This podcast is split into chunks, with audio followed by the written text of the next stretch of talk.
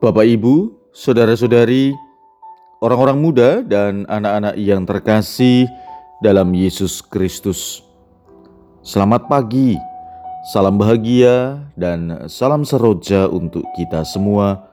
Berkah dalam bersama dengan saya, Romo Antonius Garbito Pamboaji, menyampaikan salam dan berkat Allah yang Maha Kuasa dalam nama Bapa dan Putra dan Roh Kudus. Amin.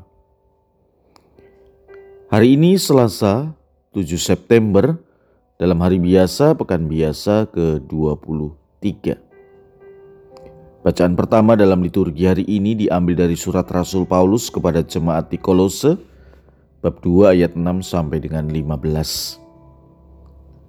Bacaan Injil diambil dari Injil Lukas bab 6 ayat 12 sampai dengan 19. Sekali peristiwa Yesus mendaki sebuah bukit untuk berdoa. Semalam-malaman ia berdoa kepada Allah. Keesokan harinya ketika hari siang ia memanggil murid-muridnya dan memilih dari antara mereka dua belas orang yang disebutnya rasul. Mereka itu ialah Simon yang juga diberinya nama Petrus dan Andreas saudara Simon, Yakobus dan Yohanes, Filipus dan Bartolomius, Matius dan Thomas, Yakobus anak Alfeus, dan Simon yang disebut orang Zelot, Yudas anak Yakobus, dan Yudas Iskariot yang kemudian menjadi pengkhianat.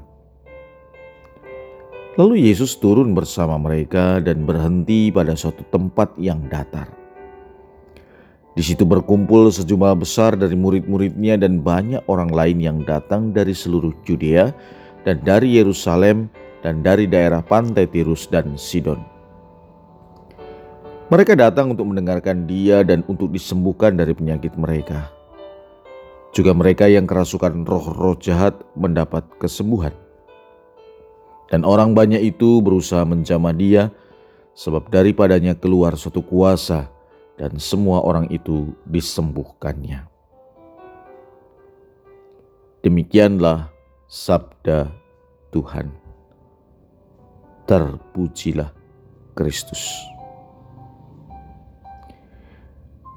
Menyadari sebagai pribadi yang dipanggil, dipilih, dan kemudian mau berubah menjadi lebih baik. Kira-kira begitu inti dari sabda Tuhan yang kita dengarkan hari ini. Kisahnya diawali ketika semalam-malaman Yesus berdoa kepada Allah sebelum ia memilih kedua belas rasul. Keputusan memilih dua belas rasul adalah sebuah hal yang serius dan penting. Sebab kepada kedua belas rasulah pondasi gereja itu dibangun, dihayati, diteruskan, dan dihidupi. Dua belas orang pilihan ini jelas tugasnya adalah melanjutkan karya Allah. Meneruskan karya-karya Allah sehingga Yesus harus memilih orang-orang yang tepat. Oleh karena itu Yesus membawa keputusannya dalam doa kepada Allah. Namun demikian pertanyaannya, sungguhkah Yesus memilih orang-orang yang tepat? Pada bagian pertama ini, saya mengajak Anda sekalian untuk merenungkan satu hal. Apakah ketika kita sebelum memilih keputusan yang tepat, apa pun itu, kita membawanya dalam doa, membiarkan Allah menerangi kita dengan roh kudusnya, menuntun kita untuk dapat memilih keputusan yang tepat? Harapannya demikian. Hal yang kedua, mari kita kembali apa yang dibuat oleh Yesus dalam Injil hari ini. Apakah Yesus sungguh memilih orang-orang yang tepat? Kita lihat, kita tilik sebentar siapa pribadi-pribadi ini. Kita kenal betul siapa Petrus yang pernah menyangka bahwa dia adalah murid Yesus. Siapa Yakobus dan Yohanes yang meminta kedudukan terhormat juga pernah marah minta Yesus mengirimkan api untuk membakar kota yang menolak dirinya. Kita juga kenal siapa Thomas yang meragukan kebangkitan Yesus Nathanael atau Bartolomeus yang menganggap tidak ada hal baik yang berasal dari Nazaret. Dan jelas juga Yudas Iskariot yang mengkhianati dengan menjual Yesus. Mereka adalah pribadi-pribadi yang biasa, bahkan pribadi-pribadi yang jelas-jelas pernah mengkhianati Yesus sang guru dengan berbagai macam cara. Pernah tidak percaya kepada sang guru. Pernah merasa kesal dan lain sebagainya. Yang menakjubkan bahwa dari kedua belas rasul itu bahwa mereka pernah berbuat salah dan bukan menjadi pribadi yang sempurna.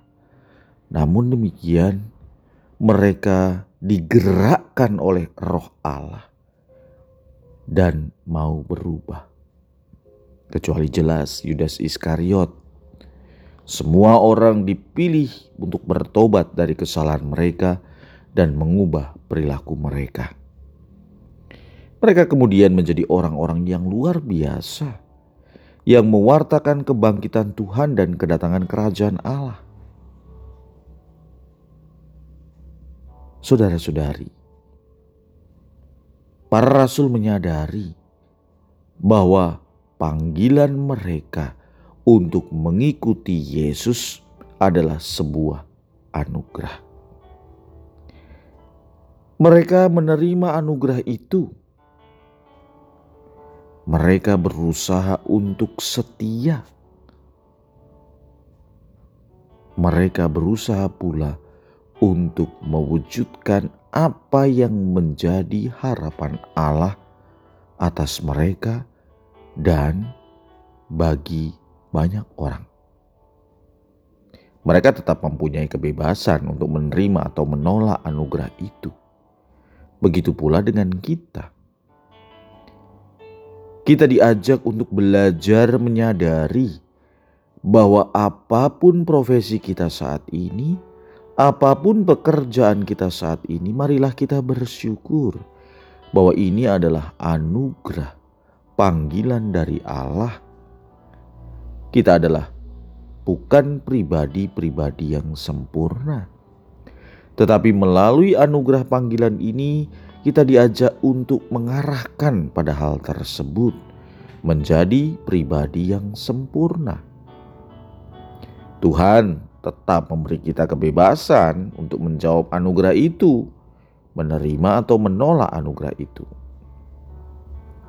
Kalau kita menolak, maka tentu kita tidak selamat. Tetapi kalau kita menerima konsekuensinya, kita diajak untuk berubah menjadi lebih baik. Tuhan Yesus memanggil kita. Tuhan Yesus menganugerahkan kita iman sama seperti kedua belas rasul adalah pribadi-pribadi yang biasa saja, namun mau berubah. Apakah demikian dengan kita? Atau kita mau menjadi seperti Yudas Iskariot?